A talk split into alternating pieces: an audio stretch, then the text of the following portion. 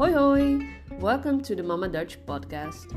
My name is Mariska, and as an online Dutch teacher, my goal is to make learning Dutch a stress free and fun activity that easily integrates into your busy life.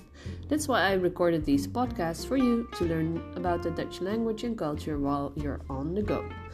You can follow me on Instagram at mamadutch.teacher to learn even more, or download my free ebook called Your Dutch Survival Guide on the website mamadutch.nl.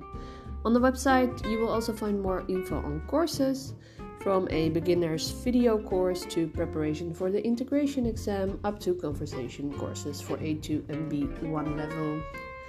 I wish you lots of fun learning this ridiculously weird language, and if no one told you today, you are awesome for going for it. Doei doei!